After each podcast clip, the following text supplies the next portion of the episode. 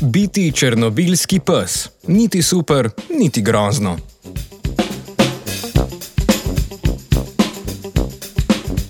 Pred skoraj 37 leti se je v nuklearni elektrarni Černobil zgodila jedrska nesreča.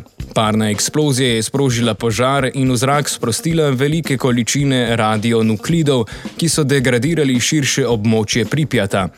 Raziskovalna skupina iz Združenih držav Amerike, Polske, Ukrajine in Kitajske je v reviji Science Advances objavila članek o demografskih zakonitostih pasih populacij, ki naseljujejo degradirano černobilsko izključitveno območje.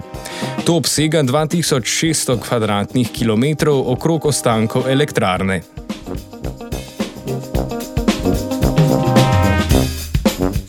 Raziskovalke in raziskovalce je zanimal dolgoročen vpliv nizkoionizirajoče radiacije na genom organizma in kako se to kaže na zdravju populacije. Raziskovalna skupina je zbrala vzorce genetskega materijala več kot 300 psov in jih razvrstila v tri populacijske skupine, glede na oddaljenost kraja vzorčenja od prizorišča jedrske nesreče. Genetski material so na to analizirali z uporabo SNP čipov, ki povedo, katero varianto alela nosi posameznik na specifičnem mestu v genomu. Pridobljene podatke so primerjali med črnobilskimi populacijskimi skupinami ter s podatki divjih in čistokrvnih populacij psov.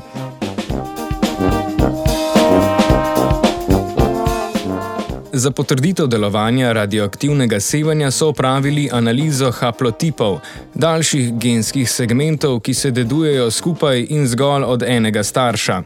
Zaradi tega skozi generacije ostajajo praviloma nespremenjeni, spremembe v njih pa so pokazatelji mutacij, ki jih je v černobilskem primeru najverjetneje povzročilo sevanje. Ugotovili so, da imajo najkrajše haplotipe, torej največ mutacij, psi iz najožjega območja, daljše haplotipe pa so zaznali pri psih, ki živijo najdlje od ruševin elektrarne. Poleg tega so potrdili kompleksno družinsko sestavo pasih krdelov, ki je sicer podobna divjim volčim, vseeno pa je edinstvena tudi zaradi začetne izoliranosti populacije.